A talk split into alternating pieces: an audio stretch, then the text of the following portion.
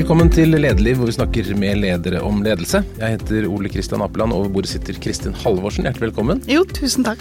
Du er leder av Cicero, Senter for klimaforskning. Ja. Det er ikke alle som vet hva det er. Vil du si veldig kort hva det er for noe? Ja, Det er et uh, forskningsinstitutt som blei oppretta som en direkte oppfølging av Gro Harlem Brundtlands rapport for 30 år siden. Uh, for å bidra med forskning og kunnskap til å løse klimaproblemet. Og I begynnelsen var det stort sett samfunnsforskere der, men etter hvert så skjønte man at en trengte mer kompetanse innomhus også på den rent naturvitenskapelige siden. Så det er et veldig tverrfaglig institutt, og på et høyt internasjonalt nivå. Spennende. Ja. Det skal vi snakke masse om. Vi må Ja. snakke litt mer om politikk først. For Ja. du er jo først og fremst kjent som politiker for folk flest. For du Ja. SV fra 97 til 2012, og så var du stortingsrepresentant, og så var du Norges første kvinnelige finansminister. Det er veldig bra. Mhm. Og kunnskapsminister har du vært. og litt av hvert. Men, men du kom jo da inn i politikk veldig tidlig. Når var det du fikk din første, aller første lederoppgave? Var det i politikken? Eller var det elevrådet? Jeg tror egentlig at det er storesøstergenet, holdt jeg på å si. Jeg har tre yngre søsken, så jeg har nok eh, fått ansvar tidlig. Eh, og det har jeg egentlig satt veldig stor pris på, å ha muligheten til det. Eh, og så blei jeg politisk aktiv når jeg var sånn 15 år i Porsgrunn. Jeg vokste opp i Porsgrunn. Eh, og da var det to ting som jeg var veldig opptatt av. Det ene var kampen mot apartheid. Og det andre var jenters, kvinners rettigheter. Dette var liksom eh, kvinneåret i 1975. Eh, og da danna vi en liten jentegruppe på ungdomsskolen. som leste oss opp på all urettferdighet som hadde blitt begått mot kvinner opp gjennom historien. Og var eh, ja, opptatt av å få fram de perspektivene. De gutta som gikk sammen med oss i klassen var litt forundret over at vi var så undertrykt. De var et hue lavere enn oss og tok aldri ordet, men eh, det var en god lære å gå i den eh, ja, og, i det engasjementet. Og så var jeg aktiv i kampen mot apartheid, da. Og da Det var også veldig lærerikt, fordi at da var det litt sånn? Når Nelson Mandela kan sitte på Robben Island, da kan vel jeg f.eks. tørre å gå og klistre sånne klistrelapper på hermetikken på EPA i Porsgrunn om å ikke kjøpe sørafrikanske varer, eller når jeg litt seinere ble student i Oslo og måtte reise til, til Sauda for å si at man ikke burde importere malm fra, fra Sør-Afrika, så var det også litt sånn at det, det grudde jeg meg jo sinnssykt til. Men når Nelson Mandela liksom, han tok den største børa, da måtte jo vi andre også kunne bidra. Var det noen politiske ledere som inspirerte deg på den tiden? Ja, Det var jo Nelson Mandela som den ene, og så blei jo veien inn i SV veldig kort. Så da hadde jeg jo mange kvinnelige egentlig forbilder også. Hanna Kvammo var jo en meget markant person på den tida. Eh, Kjelpe Lunde var etter hvert eh, parlamentarisk eh, leder. Altså, jeg plukka egentlig litt fra mange forskjellige ledertyper, da. Erik Solheim var jo en annen. Eh, ja. Hadde, du noe, hadde du liksom tidlig en tanke om hva slags leder du ville være? Nei, jeg tror ikke jeg hadde noe. Altså Når jeg ser tilbake på de tingene der, så har jeg aldri tenkt at Så er det veldig mye tilfeldigheter som har gjort at jeg havna der jeg havna. For jeg reiste til Oslo for å studere, og så etter hvert så tok politikken overhånd. Og så tenkte jeg ja, ja, men det gjør jo ikke noe om jeg tar en liten pause fra studiene, jeg kan jo alltid komme tilbake. Og dette var tidlig 80-tall, og det var ikke så vanskelig å komme inn på alle mulige studier, og vi liksom følte at verden lå åpen, og Lånekassa var der. Eh, og så blei det rett og slett sånn at jeg tok uh, ja, jeg tok politisk verv, og i 1985, da var jeg 25 år, da stilte jeg i, uh, til valg uten nominasjon til Oslo SVs stortingsliste. Og den gangen skulle Finn Gustavsen, den gamle SV, SF- og SV-høvdingen, han, uh, han ville ha comeback. Så jeg stilte faktisk i kampvotering mot han, um, og vant. Fordi han Først så gikk han for førsteplassen, og den vant Theo Koresinski, som var partileder. Og så tenkte han at da vil han gjerne på andreplass. Men da sa Oslo SV at vi skal, ha, vi skal ikke ha to menn på toppen av vår liste. Og da var det lille meg da, på 25 år som slo ut partiguruen. Det var ja, Jeg skjønner jo ikke nå i dag at jeg turte, men det gjorde jeg tydeligvis. Det er ofte Når man ser på tilbake på det, så kan man bli litt skremt om hva man har gjort, Ja, kanskje. ikke sant. Men etter da, så mange år som, som i politikken, så mange år som leder, hva har du lært altså, Kan man sammenfatte hva, er god ledelse? God politisk Ja, jeg ledelse, hadde. Altså, jeg, jeg ble valgt fast stortingsrepresentant i 89. Eh, og da ble jeg medlem av finanskomiteen, og var det i åtte år. Og da var det ikke mange unge kvinnelige eh, finanspolitikere. Så jeg fikk jo egentlig en veldig stor sjanse til å være mer synlig og, og mye oppbacking eh, på det. Og de sjansene tok jeg, og jeg fikk mye støtte også. Og så når Erik Solheim da gikk av i 97, så ble jeg valgt til partileder, men da var det mye interne dragkamper og som jeg syntes var meningsløst å være borte fra. Jeg hadde to barn som da var fem og eh, ni. Og jeg hadde ikke noe lyst til å være borte fra dem hvis det skulle dreie seg om sånne, ja, sånne interne stridigheter i et parti. En annen ting var jo hvis du liksom skulle ha mulighet til å forandre verden mm. og jobbe utadretta.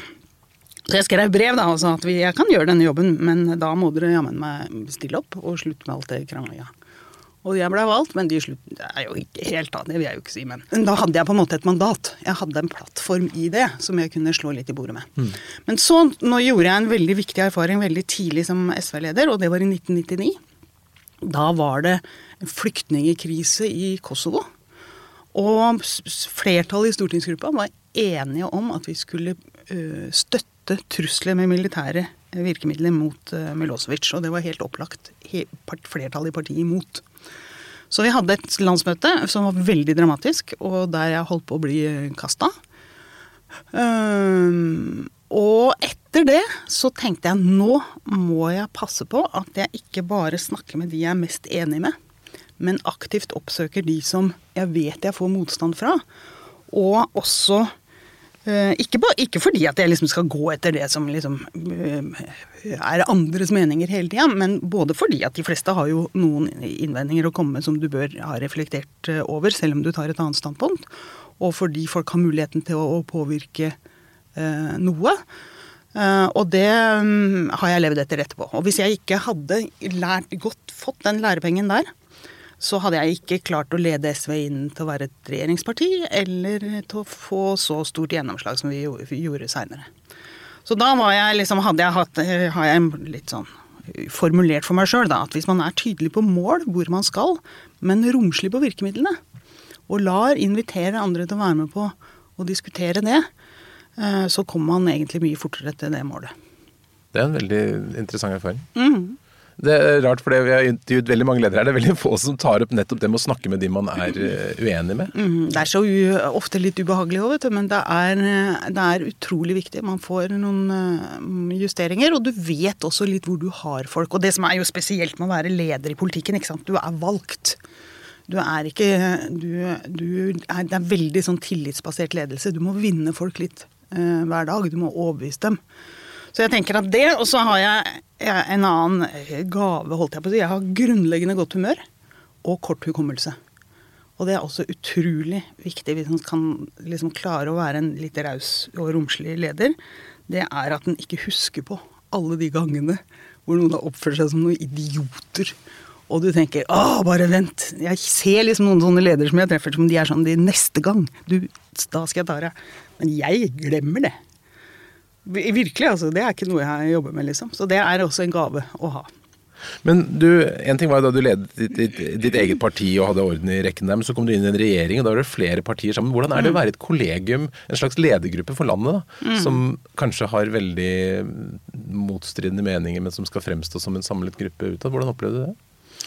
Det syns jeg jo ikke vi lykkes med bestandig i det rød-grønne samarbeidet. Men vi hadde jo en ganske Altså vi som er partiledere, vi skjønner kanskje bedre enn noen andre hva er det du, er det du står oppi. ikke sant? For du skal både skal du legge til rette for at du, det fattes beslutninger som er for det beste for landet, rett og slett. Det er litt sånn Uh, og så skal du samtidig sørge for at du har et parti med deg, og du skal sørge for at du får gjennomslag for de sakene du faktisk uh, brenner for. Så det er en krevende balansegang.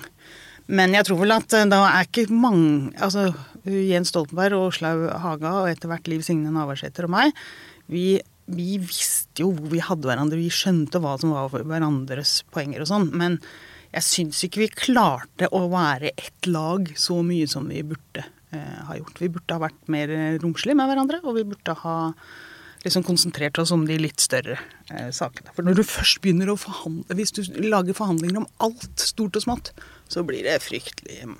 Kjenner dere noen av problemene i regjeringen vi har i dag? Absolutt. Nå er, absolutt. Og, og, det er klart du, når du er i en flertallsregjering og du ser Erna eh, styre på Det som jeg syns var hennes veldig styrke i begynnelsen, det var at jeg opplevde at hun klarte å finne en litt sånn romslig balansegang mellom de ulike partienes eh, interesser, som ikke vi hadde vært så like eh, flinke til. Men så syns jeg at den eh, Ja. Egentlig syns jeg at noen av de andre partiene tok seg for mye til rette, og at nå er det Nå, nå framstår det jo ikke som ett felles prosjekt overhodet. Men som politiker i mange år, så, så både så du i, i både i Norge og internasjonalt, så fikk du både se og møte veldig mange ledere. Var det noen som særlig inspirerte deg? Ja, du har jo mange Altså, jeg traff jo Nelson Mandela en gang. Det var helt, Jeg fikk lov å være valgobservatør, første fri valg i Sør-Afrika. Og vi hadde egentlig ikke på programmet at vi skulle treffe han.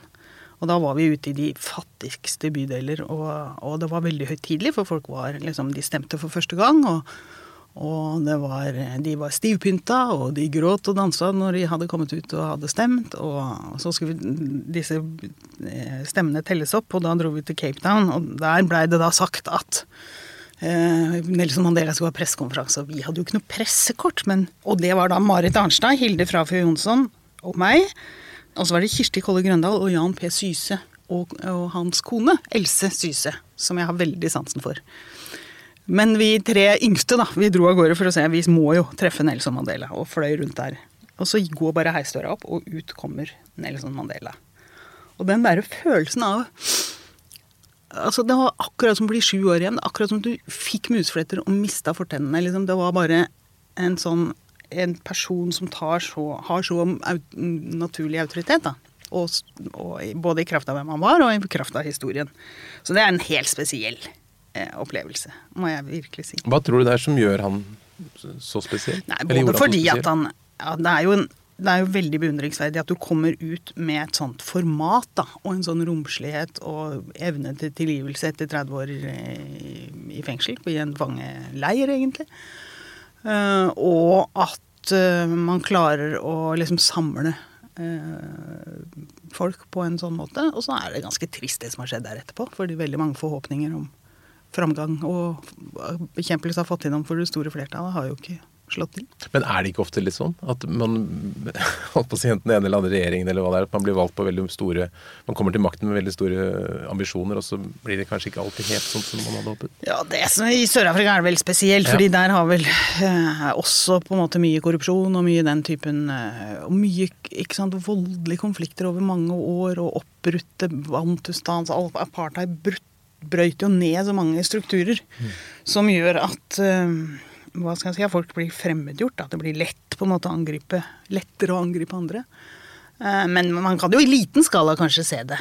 Uh, andre Jeg syns i hvert fall vi Jeg ser det veldig tydelig på de på de rød-grønne regjeringssamarbeidet. At den første fire åra Da var det et skikkelig politisk prosjekt. Det var store ambisjoner. Det var Ja.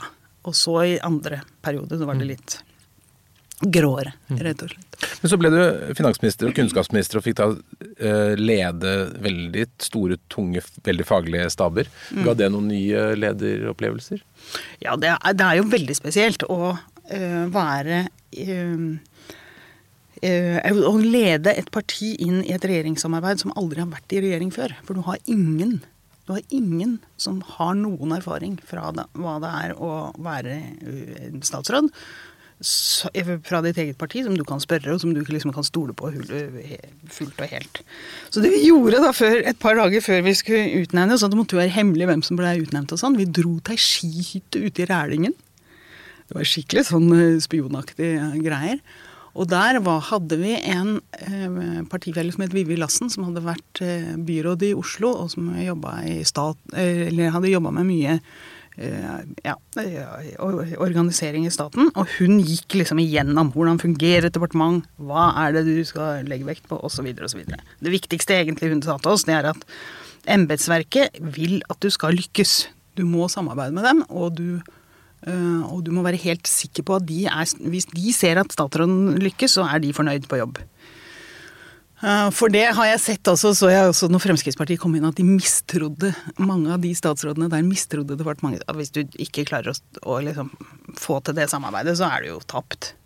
Og så kom jeg inn da i Finansdepartementet som uh, første kvinnelige øh, finansminister, og fikk et utrolig godt samarbeid med han som var finansråd på den tiden, som het Tore Eriksen, og som var altså, faglig sterk og på alle vis fulgt opp, men, men han skjønte også politikk. Så da var det mulig å gå den samme ikke sant, og si ok, nå jeg har det målet. For jeg kom inn der ikke sant, og sa at ja, men dette har vi tenkt gjennom i opposisjon, så nå skal vi bare gjøre sånn og sånn, og da er det ditt og datt. Og, og jeg, jeg, husker jeg, jeg, det var jo mange hva skal si, grupper i samfunnet som jeg hadde kontakt med, som man vanligvis ikke har kontakt med når man er finansminister. Blant annet så kjente jeg noen som var prostituerte, men som prøvde å komme seg ut av prostitusjon. Og et av deres problemer var at de hadde jo inntekt, og kanskje en leilighet, som var betalt med svarte penger. Og dermed så fikk de restskatt, eller straffeskatt. Og så måtte de fortsette prostitusjon for å betale den skatten. Så på en måte var jo staten hallik. Mm. Og dette tenkte jeg dette må jo ordnes opp i, og nå er sitter jeg jo her, så nå kan jeg jo ordne opp i dette. Så jeg ga beskjed da, til skattelovavdelingen at uh, dette måtte jo kunne på en enkel måte uh, bare gis beskjed til alle ligningskontorene om at uh, hvis man kom og hadde verdier som man sa liksom kom fra prostitusjon, så måtte man se litt mellom fingrene på det. Ja. Og han som var leder av skattelovavdelingen, meget hyggelig og, og formell Eh, jurist som het Torbjørn Jølstad, han skrev langt notat. Fikk jeg tilbake, så tenkte jeg nå motarbeider de meg. Og jeg sendte tilbake og sa nei, det må komme opp noe bedre enn dette. Så til slutt så kom han ned, og så sa han vet du hva. Og ha, dette var jo en mann i blå dress og, meg, og, mye mer formell enn meg. Og så sier han til meg det er moderne tider, sa han. Og jeg tenkte i all verden, skal han fortelle meg hva som er moderne tider, liksom? Ja. Nei, det er ikke sikkert det er så belastende i 2005 å påberope seg inntekt som stammer fra prostitusjon. Så hvis vi sier dette, så kan det komme mange som sier at de har både de ene og de andre inntektene fra prostitusjon.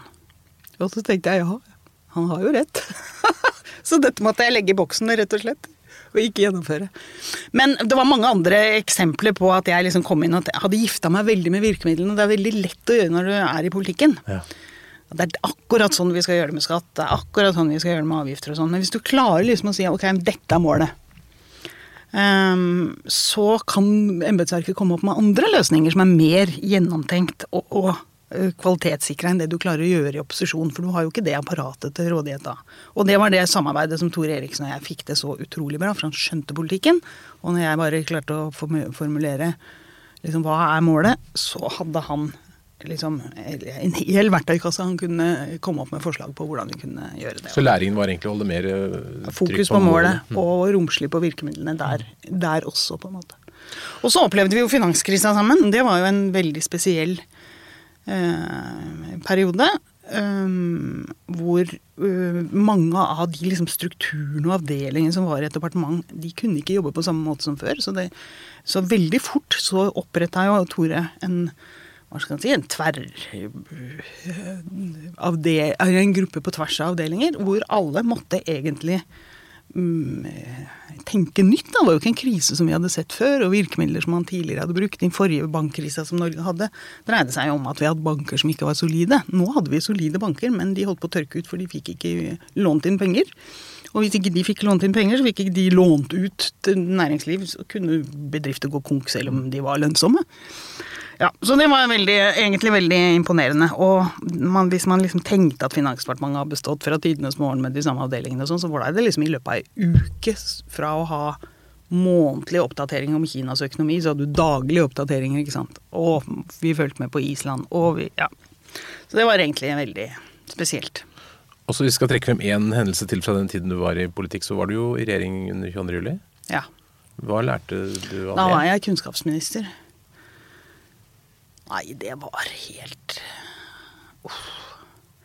Jeg vet ikke hva jeg skal si om hvordan vi lærte. Det er en, det er en sånn ekstrem hendelse, og det er så mange mennesker som er berørt. Og vi Jeg var, var kunnskapsminister på den tida, og vi satt jo i Y-blokka. Og vi hadde 30 mennesker på jobb den dagen som hadde tatt, liksom avslutta samordna opptak for høyere utdanning. Og de flykta ut, og alle, ingen skjønte, visste jo hva dette var. Og heldigvis var det ingen hos oss som blei fysisk eh, skadd, men det var jo mange som sleit med den dramatikken og, og usikkerheten uten å vite hvem var fienden her. Um, og, og, den utrolige belastningen som så mange familier var igjennom med å miste ungdom på den måten, er, det er helt ubeskrivelig, egentlig. Og jeg hadde ikke vært på Utøya før. Så jeg var på Utøya når Kripos gikk rundt og viste foreldre hvor deres barn var funnet. Og sammen med familien til andre barn som var funnet på, på samme sted. Uh, og det er bare Nei, det er helt det er helt fryktelig, rett og slett, at noen skal gå gjennom sånt. Så måtte vi jo ta hele den runden om beredskapen. Om det var Om vi hadde liksom tatt alle varsler på, på, alvor, om vi hadde tenkt riktig rundt sikkerhet og beredskap osv. Og, så og der var det jo helt opplagt ting å lære. Men, men det er jo også sånn at altså neste krise blir jo ikke sånn som den forrige. Sånn det der med å hele veien tenke liksom to trekk fram, det er også et veldig stort ansvar som ligger på en, en regjering og en, en, en ledelse en ledelse for sikkerhet og nasjonal sikkerhet. Hva tenker du at du lærte om ledelse i en sånn situasjon?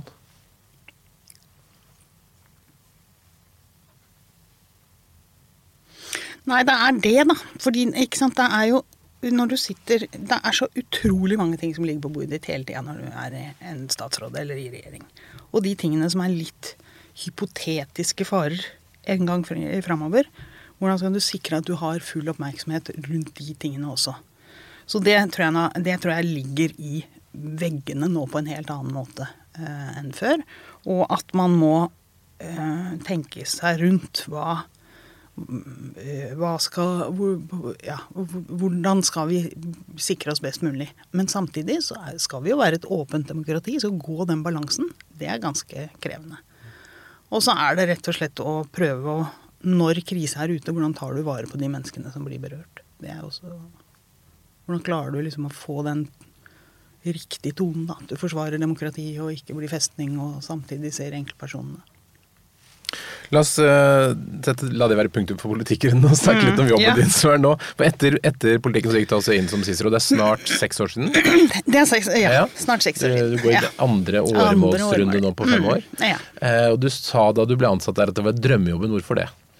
Jo, fordi at det som er jo helt utrolig når du er politiker, det er at du får lov å I 24 år hadde jeg vært rikspolitiker og får lov å holde på med ting som jeg sjøl syns er utrolig viktig. Og det er klart det er jo det som har gjort at du har jobba med kvelder og helger og, og liksom lagt Du føler at du jobber med noe som er så mye større enn deg sjøl, da. Og det er jo ganske vanskelig å se for seg at det fins lignende jobber i, i det sivile liv mm. som du kan oppfatte er så meningsfylt. Og når du er liksom vant til å ha det som drivkraft hele tida, så um, var jeg veldig opptatt av å liksom finne noe som jeg kunne uh, ha en sånn motivasjon for på samme vis. Og så fikk jeg det veldig klare rådet at nå må du ikke hoppe på det første og beste. For det er klart du har jobba som en gærning i utrolig mange år, og så plutselig så sitter du der. Mm. En formiddag da, og lurer på hva er det som skjer. Det er lett å bli litt sånn å ja, ja, men da tar jeg det, liksom. Men det blei jeg veldig advart mot å bare hoppe på. Så jeg venta, hadde jeg is i magen til å, å vente til Sistro dukka opp. Og da, du, da følte du deg sikker på at det var riktig? Ja, da var jeg jo i hvert fall veldig motivert for å jobbe på det feltet. Men det var uvant for meg å jobbe med ikke sant, Jeg er jo ikke noen akademiker. Jeg blei jo aldri ferdig med de studiene. Jeg kom jo aldri tilbake til Blindern. og akademia er en ganske ja, spesiell, krevende, vil jeg si, sted å være. Å være forsker er, er, og i instituttsektoren er ganske tøft, for vi har 13% basisfinansiering, og resten må vi vinne i konkurranse. Enten det er i Forskningsrådet eller i EU eller i eller oppdrag. Uh, og det betyr at uh, man liksom hele veien må være veldig uh, skjerpa på å utvikle seg videre, passe på feltet sitt. ja, det er, og veldig mye insentiver er innretta mot individuelle prestasjoner og ikke mot lag. Og i alle andre sammenhenger så prøver vi jo å dele og jobbe i team så mye som mulig. Det gjør man selvfølgelig i forskning òg, men, Men man blir veldig Alle tellekantene er på en måte veldig individretta. Men følte du at det var vanskelig å komme helt utenfra inn i et sånt miljø? Ja, jeg syns, det var tenkt Ops, her har jeg mange ting eh, å lære. Men det som var litt gjenkjennelig, det er jo den Det jeg hadde med meg fra politikken og fra å være SV-leder, og det er at du, du må binde folk litt hver dag. Eh, for du, sant? du kan ikke gå til internasjonale forskere på altså, forskere som er på topp i internasjonalt og helt liksom fremst sin, på sitt felt, og så bare si ja, men sånn er det, for sånn har jeg bestemt. Det funker dårlig. Så man må liksom ja, man må forklare og overbevise og kanskje gå en runde til og ja. Men så får man mye igjen òg, for du har jo ekstremt kompetente medarbeidere som eh, Og i Cicero er de veldig, veldig dedikerte til å liksom bidra med forskning og kunnskap i forhold til klimaspørsmål. Um, du hadde, kjempet for, du hadde kjempet, kjempet, for, klimasaken i flere år, mm. eller mange år, allerede da du kom inn der. Mm. Eh, opplevde du altså nå, når du har vært tett på, at det er mer komplekst enn du trodde? Er det vanskeligere? Nei, egentlig ikke. Egentlig motsatt. Mm -hmm. synes det, er mange av de motforestillingene jeg synes jeg møtte i politikken som jeg tenker at det, det var det Det hadde det ikke noe kunnskapsgrunnlag for, og det går jo for seint. Og det er jo, altså det er jo en, det er, den, det er kanskje en av de mest krevende sånne lederjobber på et nasjonalt nivå, da. Og i et internasjonalt nivå. Å ta og få orden på Å få på en måte utslippene til å gå ned, og få de til å gå fort nok ned. Og vi står overfor en en omstilling som er liksom ikke noen prosent her, eh, per om. Det er skifte, det er store omlegginger um, som skal til. Og klare å få til det på en måte som folk samtidig syns er rettferdig.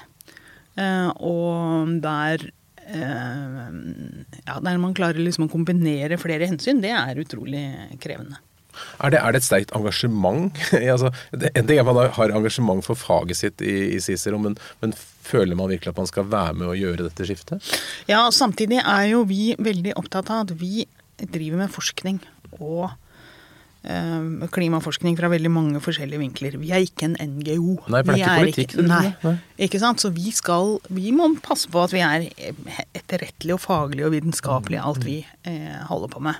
Men, men, det er jo det som gjør kanskje klimaområdet spesielt i internasjonal sammenheng òg, nemlig det, det samarbeidet man har hatt i FNs klimapanel med å lage rapporter, samle forskning fra hele verden til eh, disse klimarapportene, IPCC-rapportene, og legge fram et vitenskapelig grunnlag eh, for ting. Så vi bidrar veldig sterkt inn i det. Vi har, mange forfattere med der. Eh, og det er jo veldig meningsfylt. Men nå har du vært forsket i mange år og har sett mm. masse rapporter. og Likevel så er det masse mennesker som går rundt og sier at vi vet ikke om dette er menneskeskap. Så hva tenker du om det? Ja, det som er, er at de er jo ikke så mange, men de tar ganske stor plass. Uh, og det er jo et litt dilemma. Da, hvor mye, hvor mye, tid skal man egentlig bruke på de som ikke tror på vitenskapen? Uh, og hvor mye skal vi konsentrere oss om å, lage, om å løse problemene, forstå mer av hvordan vi skal gjøre det. Så vi prøver vel å gå en sånn balansegang og tenke at det, de som roper høyest her, er, er vi, vi forholder oss til det som er vitenskap. Det er ikke sånn at desibel-metoden kan gjøre at vi, vi liksom mister perspektivet. Mm. Men samtidig så er det jo viktig å hele veien på en måte gjenta hva som er um, kunnskapsgrunnlaget. Da, at menneskeskapte utslipp fører til global oppvarming. At vi aldri har hatt så raske temperaturendringer noen gang. Eh, og at vi nå ser at været endrer seg, og at det henger sammen med klima. Det tror jeg, eller det ser vi jo at også flere og flere ser.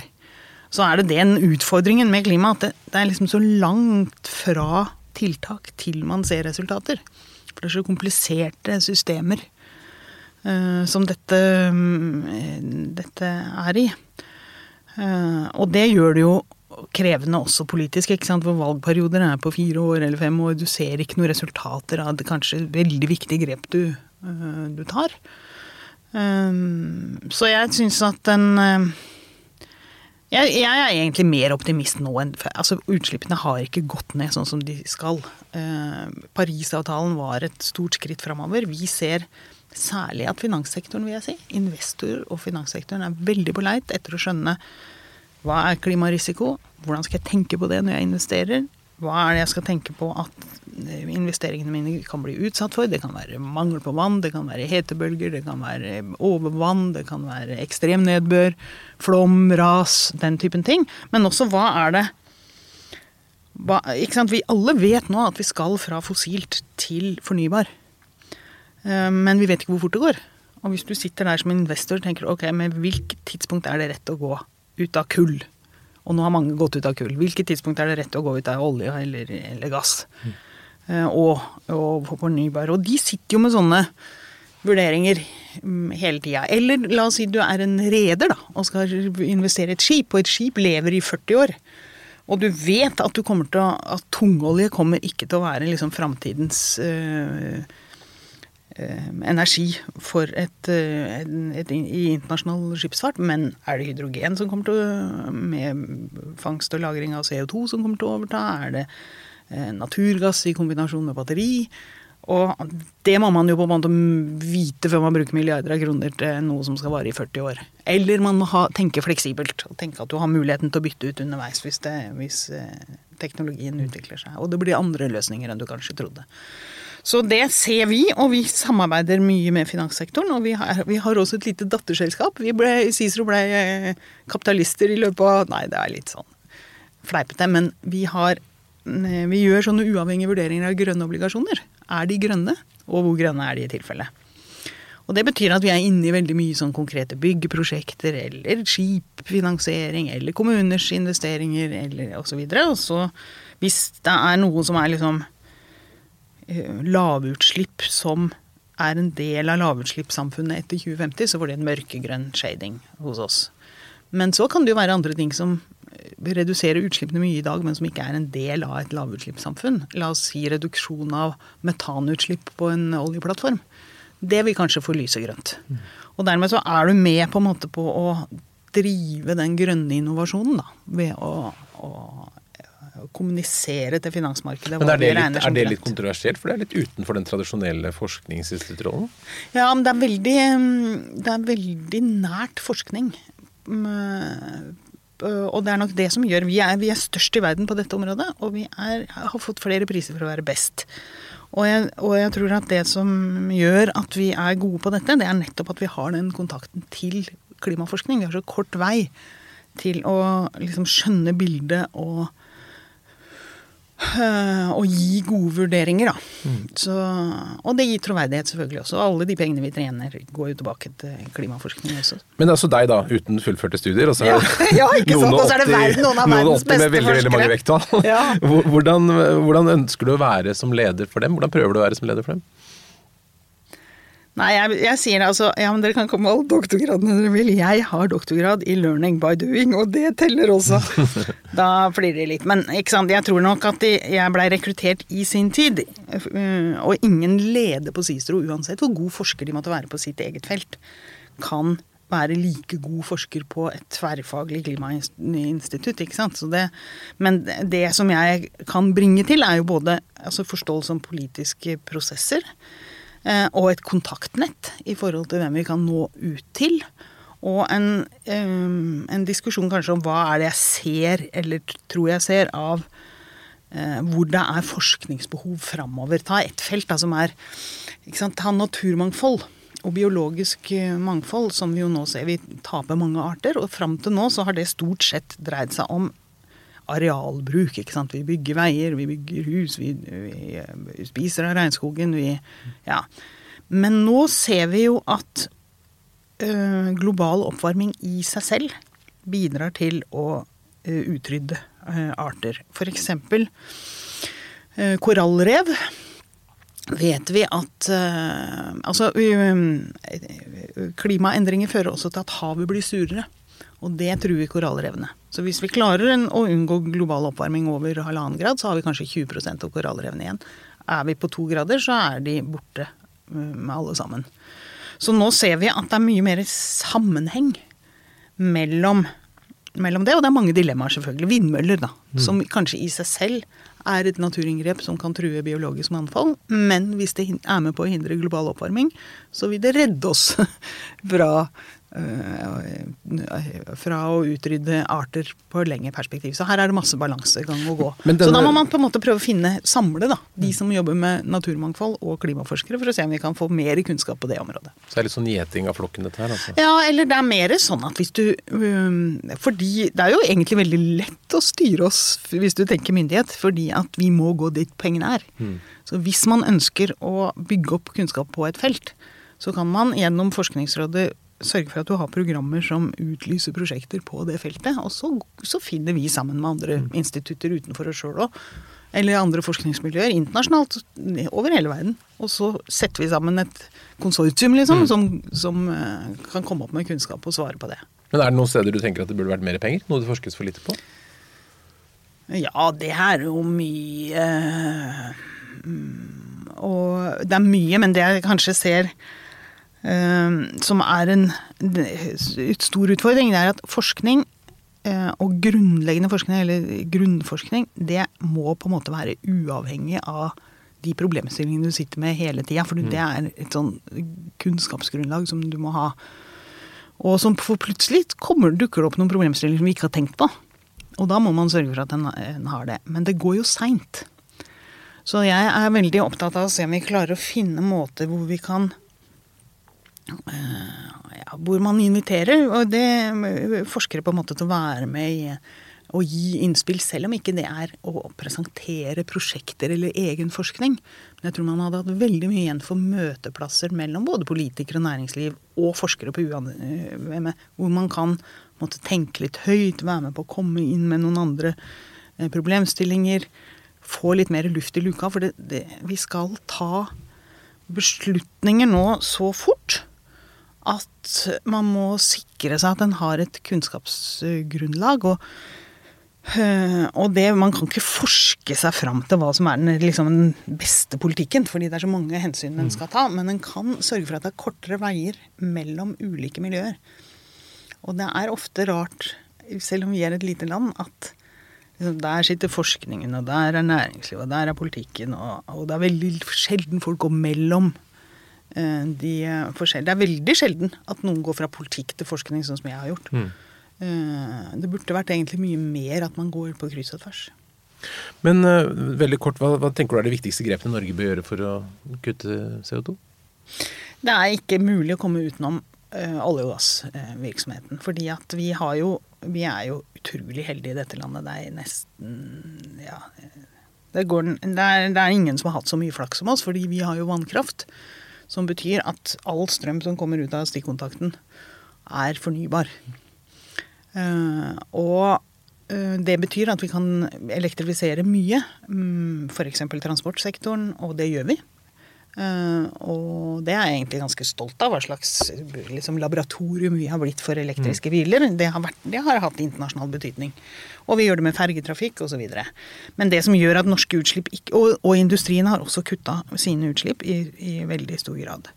Og innenfor bygg og anlegg har vi et kjempepotensial. Det er en stor del av de globale utslippene knyttes til bygg Mm, eh, betong, og anlegg. Ja, og sement, bare sementproduksjon i seg sjøl er 5% av de internasjonale utslippene. Så her er det også mulighet for fangst og lagring av CO2 osv. Så, videre, så den typen løsninger vi må komme av. Men vi kommer ikke utenom at hvis vi, skal, hvis vi lykkes med klimapolitikken, så er det ikke plass til olje- og gassproduksjon øh, i noe særlig grad. Og da er det ikke sånn at de norske dråpene kommer til å være de siste dråpene. Da er det, det Den omstillingen er det vi må på en måte klare å få til, da. Og Men det er jo interessant at du sitter som tidligere finansminister. altså Hvordan tåler landet å kutte oljeproduksjon økonomisk? Ja, For det første så kommer vi til å måtte kutte oljeproduksjon. Så spørsmålet er jo egentlig om skal vi dra beina etter oss, eller skal vi tenke her kan vi Her må vi på en måte ha en slags plan, da. Og det er jo det som egentlig har kjennetegna hele det norske oljeeventyret. Det er egentlig en fantastisk historie fra vi fant eh, olje og gass og de naturressursene. For de fleste andre land, eller jeg tror nesten jeg tør si alle andre land, har eh, har det ikke vært eh, Har det vært større forbannelse enn det har vært til, en positiv samfunnsutvikling. Mens vi klarte både å sikre at ressursene kom til fellesskapet til beste. Mange andre har gitt dem bort til multinasjonale selskaper vekk. Vi har klart å utvide dem uten stor grad av, av korrupsjon eller, eller, den typen ting. Uh, som veldig mange andre land med tilsvarende ressurser opplever. Vi har klart å bygge kompetansearbeidsplasser og leverandørindustri til dette, som er viktig. Vi har klart å putte penga på et fond som gjør at de varer til kommende generasjoner. Så det er liksom to, si, to faser som vi har mm. lykka veldig mye bedre med enn en de fleste andre. Så nå er spørsmålet klarer vi tredje fase. Klarer vi den Klarer vi på en måte å fase ut olje og gass? Klarer vi å få kompetansen rundt inn på noen andre områder? Klarer vi å gjøre det uten at det blir store sjokk? Arbeidsløshet osv. Men nå vil du da si at vår oljeproduksjon er renere enn andres oljeproduksjon? Så vi som bør lage olje? Eller vi, vi bør, ja, dessverre er ikke det sant. Uh, altså vi, selvfølgelig har vi, Hvis du, man elektrifiserer en plattform osv., så, videre, så, kan uh, så kan du gjøre det med mindre utslipp. Men det er ikke selve produksjonen som er den store utslippskilden. ikke sant? Det er jo når du forbruker. Mm. Og da er vår olje og gass like ja, like forurensende som alle andre. Men litt tilbake til, til politikk og ledelse igjen. Hvis man skal lede et land gjennom en sånn omstilling og gjøre de grepene som må til for å nå de målene, er det, er det, forenlig med å bli valgt? Altså. ja, det er, det er, jo det som er den store utfordringen. Nå, nå skal altså Vidar Helgesen, tidligere klima- og miljøminister for Høyre, og jeg, vi skal lede et utvalg som, som WWF og Civita og Norsk Klimastiftelse de har skrapa sammen noen penger for et uh, utvalg, og vi har et lite sekretariat. Og vi skal prøve nå i et løpet av et halvt år, vi begynner til uka, og se om vi kan komme med noen øh, forslag som Gitt at vi lykkes med klimapolitikken, hvordan skal vi da håndtere olje- og gassproduksjon øh, i, i Norge? Og hvordan kan vi få til det på en måte med minst mulig tap? For enkeltpersoner, for næringer, for landsdeler osv. Og, så og med størst mulig eh, gevinst. Så det blir jo spennende om vi klarer å se om vi ja, for man kan ser komme at, med noen innspill. Bompengeopprør og andre ting skal ikke så mye til før politikerne endrer kurs og retning. Tenker du at ting kan løses med at vi forbrukere blir flinkere, eller må, må det lover og regler og myndigheter til? Det må egentlig alle mulige ting til. Ja. Men uh, det er jo ikke sånn at vi liksom Først så har vi en, hva skal si, gjør vi oss opp en mening, og så handler vi deretter. Det er ofte sånn at man, politikere må gå foran, og så må de gå som passe foran. Sånn at ikke vi blir provosert og i opprør alle sammen. Mm. Men den beste historien om det er kanskje røykeloven. Mm. Da satt jeg på Stortinget når vi vedtok røykeloven. Jeg, jeg tenkte dette går helt gærent. Men det var jo bare gode argumenter for det, ikke sant. Det var det er, ja. Men jeg men, uh, Det var et artig foredrag fra uh, Dagfinn Høybråten på Zero-konferansen om det, hvor han fortalte ja, om drapstrusler og litt av hvert. Ja, men, ja, men, eh, absolutt. Og jeg husker jeg hadde en sånn uh, Naboens pub ligger et, liksom på veien hjem. Og jeg gikk stor bue rundt i et halvt år, for der sto jo folk på trappa og, og røyka, og jeg tenkte de er så forbanna på meg at det, det jeg må jeg bare passe på at jeg ikke er på Men det var jo, blei man jo i løpet av kort tid da, så tenkte vi jo at det var helt uh, uansvarlig hvordan man hadde røyka opp i nesa på småunger og ja. Jeg tror Hvis du hadde reversert i dag, så tror jeg du hadde fått ja, det er Helt umulig. ikke sant? Så det var jo et eksempel på at man går foran med en lovregulering. da, Og går sånn passe langt foran. Men tenker med, Hvordan tenker du politikerne skal jobbe for å få dette til? Det jeg tror er en veldig viktig øh, oppgave framover, det er jo å klare å kombinere øh, klimapolitikk som faktisk virker. For det, det, handler om restriksjoner og avgifter. Vi kan prøve oss veldig mye med gulrøtter, men det er kombinasjon av gulrøtter og restriksjoner. og Enten det er at ting blir dyrere, eller at det, er, at det blir færre parkeringsplasser, mm. eller, eller, sånne ting. Det er, det er, det som virker. I kombinasjoner. Men så er utfordringen å klare å få til det på en måte som er rettferdig. Uh, og det tenker jeg at, uh, at er en, det er egentlig en stor forskningsoppgave også. Å se på om Å oppsummere de forskjellige um, reformene som skjer i mange land nå. Canada f.eks. som tar inn CO2-avgifter og deler dem ut igjen til folk. Er det en måte å gjøre ting på? Er det mm, andre måter en kan sørge for at en får aksept eh, for dette? Og hele veien må man jo fortelle den store historien om hva det er vi skal eh, oppnå. Vi har en sånn stor monitorundersøkelse som vi bygger opp eh, på Cicero, og den viser jo at det er Altså, de, mm, de spurte under 30 år, de er liksom veldig dedikert til dette. Og det ser jeg også fra næringsliv nå, som er sånn Eh, se, hvor mange, se, hvor få som søker seg til petroleumsstudier. Mm. Uh, se hvor, hvor uh, Hvis man skal liksom vinne de, de mest engasjerte, og de, uh, så må man tenke miljø og bærekraft. Ellers så har du ikke tilgang på det. Så jeg tror at mye kommer til å skje her ganske fort. Og jeg tror at det, selvfølgelig må vi legge om måten vi lever på. Men jeg tror ikke det er noe dårligere liv. nødvendigvis. Tenk, ta en bil, da. Den står 95% av levetida si, en bil. Og du bruker masse penger på den. Uh, og den står der egentlig for at du skal kunne bruke den bilen akkurat når det passer deg sjøl.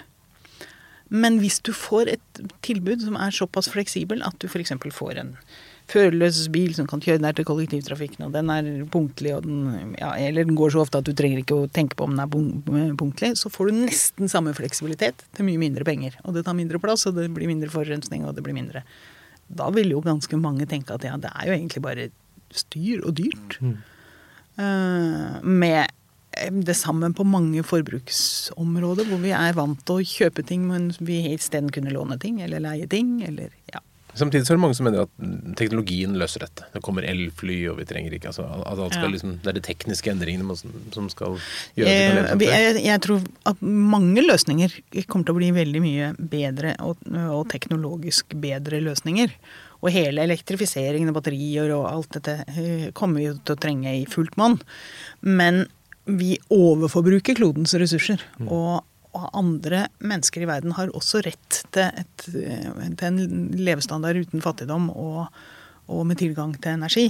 Sånn at alle mennesker skal kunne leve som nordmenn gjør, det er helt utenkelig. Det, det, er, det er, ikke bærekraftig. Så, så, er det jo spørsmålet om det er eh, hva skal si, det enorme forbruket som er det som gjør oss lykkelige og fornøyd. Og det vet vi jo faktisk noe om. Og det er jo at hvis du liksom kommer over et visst nivå, og har det trygt og et sted å bo og inntekter og klarer å betale regningene dine osv., så, videre, så er det liksom alt du får på toppen av det, fører ikke til tilsvarende lykkefølelse. Mm.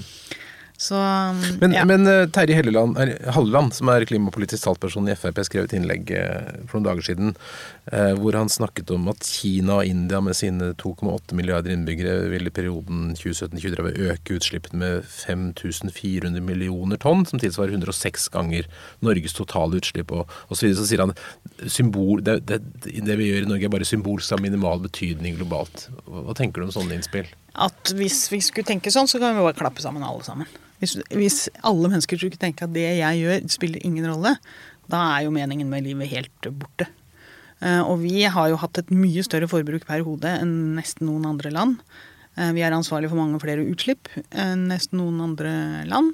Og dette uh, Det går ikke an å, ta et internasjonalt ansvar med en sånn type tankegang. Da må faktisk alle gjøre jobben sin, både lokalt og nasjonalt. Men det jeg personlig opplever som litt frustrerende, fra sånn, en, som jeg har skrevet en, en kronikk om, sånn endringskommunikasjonsperspektiv, der regjeringen og myndighetene skal ha oss med på å kutte noe. Mm. Men så er det så utydelig hva vi egentlig har fått til. Altså det, mm. det, er mm. ikke sånn, Hvor er vi nå i forhold til mm. Hvor mye har vi kuttet? Hvordan går det? Jeg føler at vi, man, Det kommer masse tiltak, men så ser vi ikke helt hvordan ligger vi an i forhold til målet. Hvordan, hvordan går det med Norge og CO2? Er vi flinke? Nei, altså ja, vi har vært flinke på en del områder, ikke sant. Men, men vi, jo, vi, er jo de som har elektrifisert transportsektoren mest.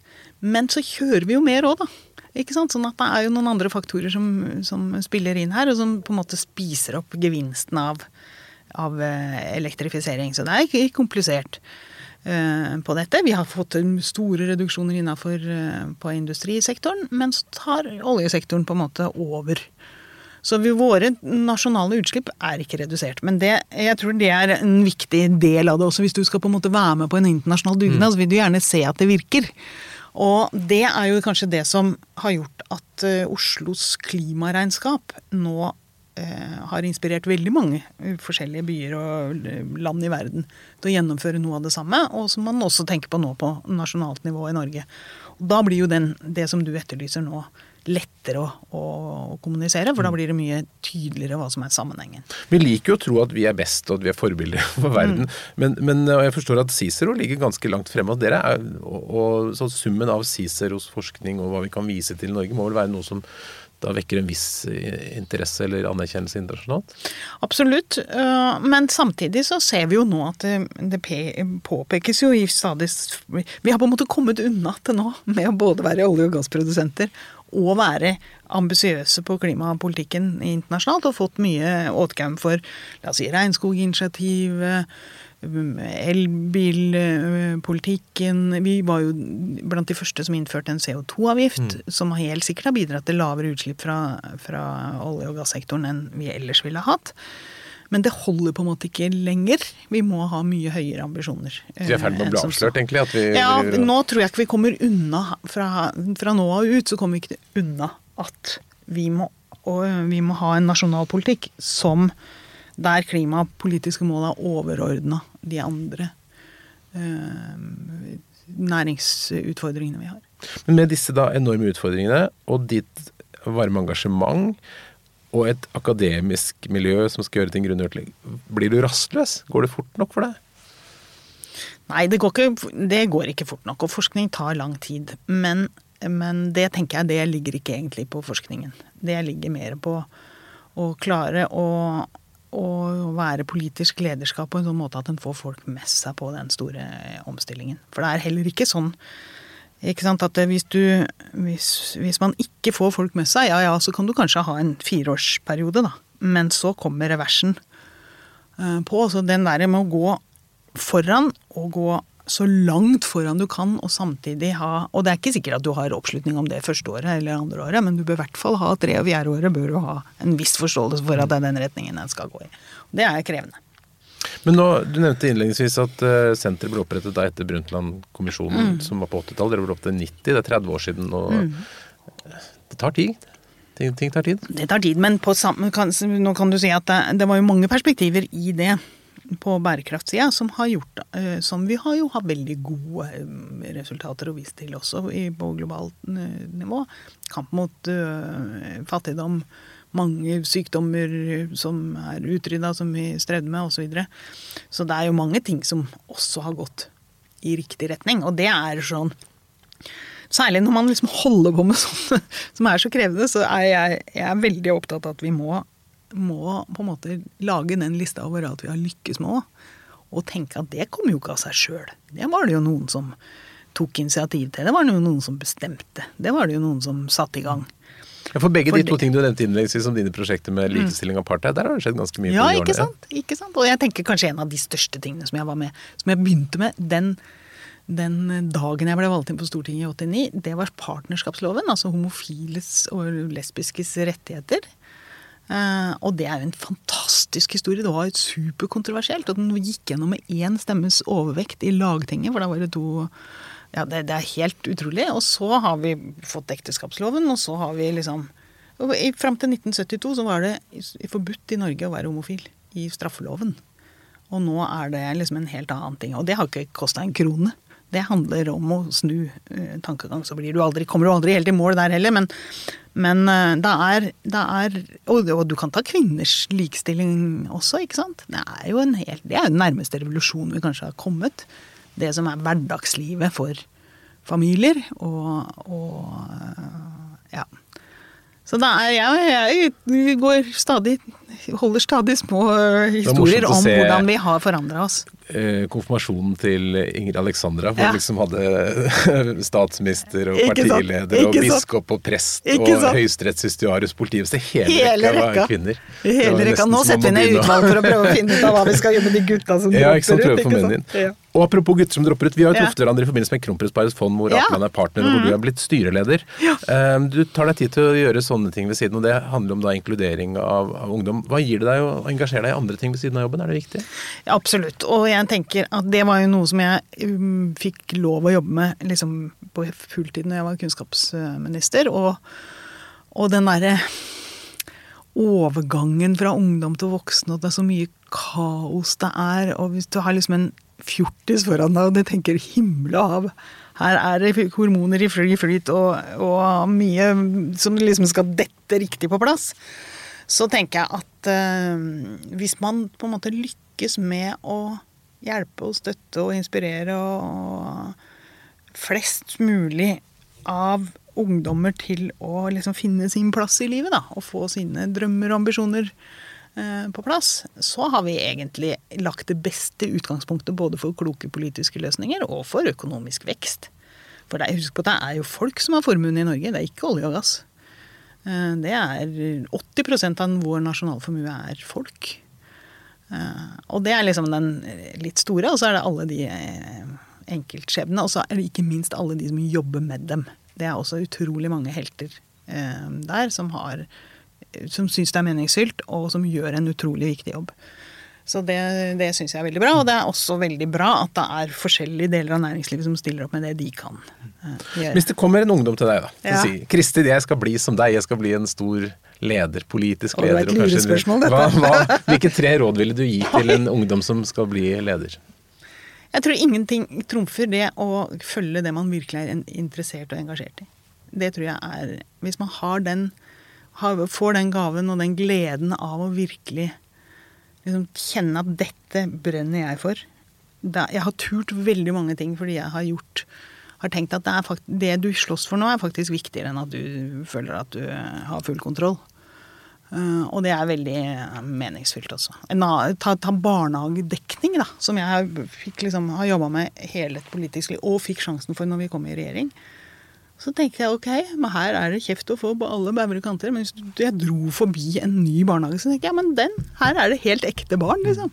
Det er to skjærokser per stykk. Det er en parkdress. Det er foreldre. Det er, det er faktisk ja. Så det var råd nummer én. Engasjement. Og ja. to til? Ja, to til og hjelp. Um, nei, da er det det å, å liksom sette seg noen mål, men å være romslig på virkemidler. Uh, fordi mange har noe å bidra med som du ikke har tenkt på sjøl. Og du kan komme til det målet du har eh, hvis man hører etter på andre. Og det er kanskje, kanskje klimakampen er et sånn typisk eh, nasjonal dugnad hvor en er tydelig på måla, men inviterer til forskjellig. Og så tror jeg hvis en skal overleve som leder, så tror jeg faktisk det der med å ha godt humør og dårlig hukommelse er et veldig godt uh, Hva skal jeg si Det kommer veldig godt med. For det betyr at du, du går ikke og gnurer på gamle ting. Du bare ser framover. Mm. Helt til slutt, tror du vi kommer til å nå disse klimamålene? det er veldig vanskelig å se for seg at vi klarer å unngå global oppvarming over halvannen grad. Og to grader er også ekstremt krevende. Men jeg tenker at hver tiendedel teller. Fordi at eh, nå har vi så mye kunnskap at vi vet at det er Hvis vi klarer tre istedenfor tre og en halv, hvis vi klarer to og en halv istedenfor tre, så er det enormt mye ekstremvær, fysiske klimaskader vi kan unngå, og enormt mange muligheter som ligger der også. Vi lar det være avslutning. Kristin ja. Halvorsen, tusen takk for at du kom til Lederliv. Tusen takk for meg. Lederliv er en podkast fra Apeland. Redaksjonen består av Ellen Paulsen, Lars Jarle Melum, Lars Volden og meg, som heter Ole Kristian Apeland. Hvis du vil høre mer, så trykk abonner. Da får du varsel når det kommer nye episoder. Og hvis du har noen tips, så send en e-post til tips at eller til meg, ole. Takk for at du lytter.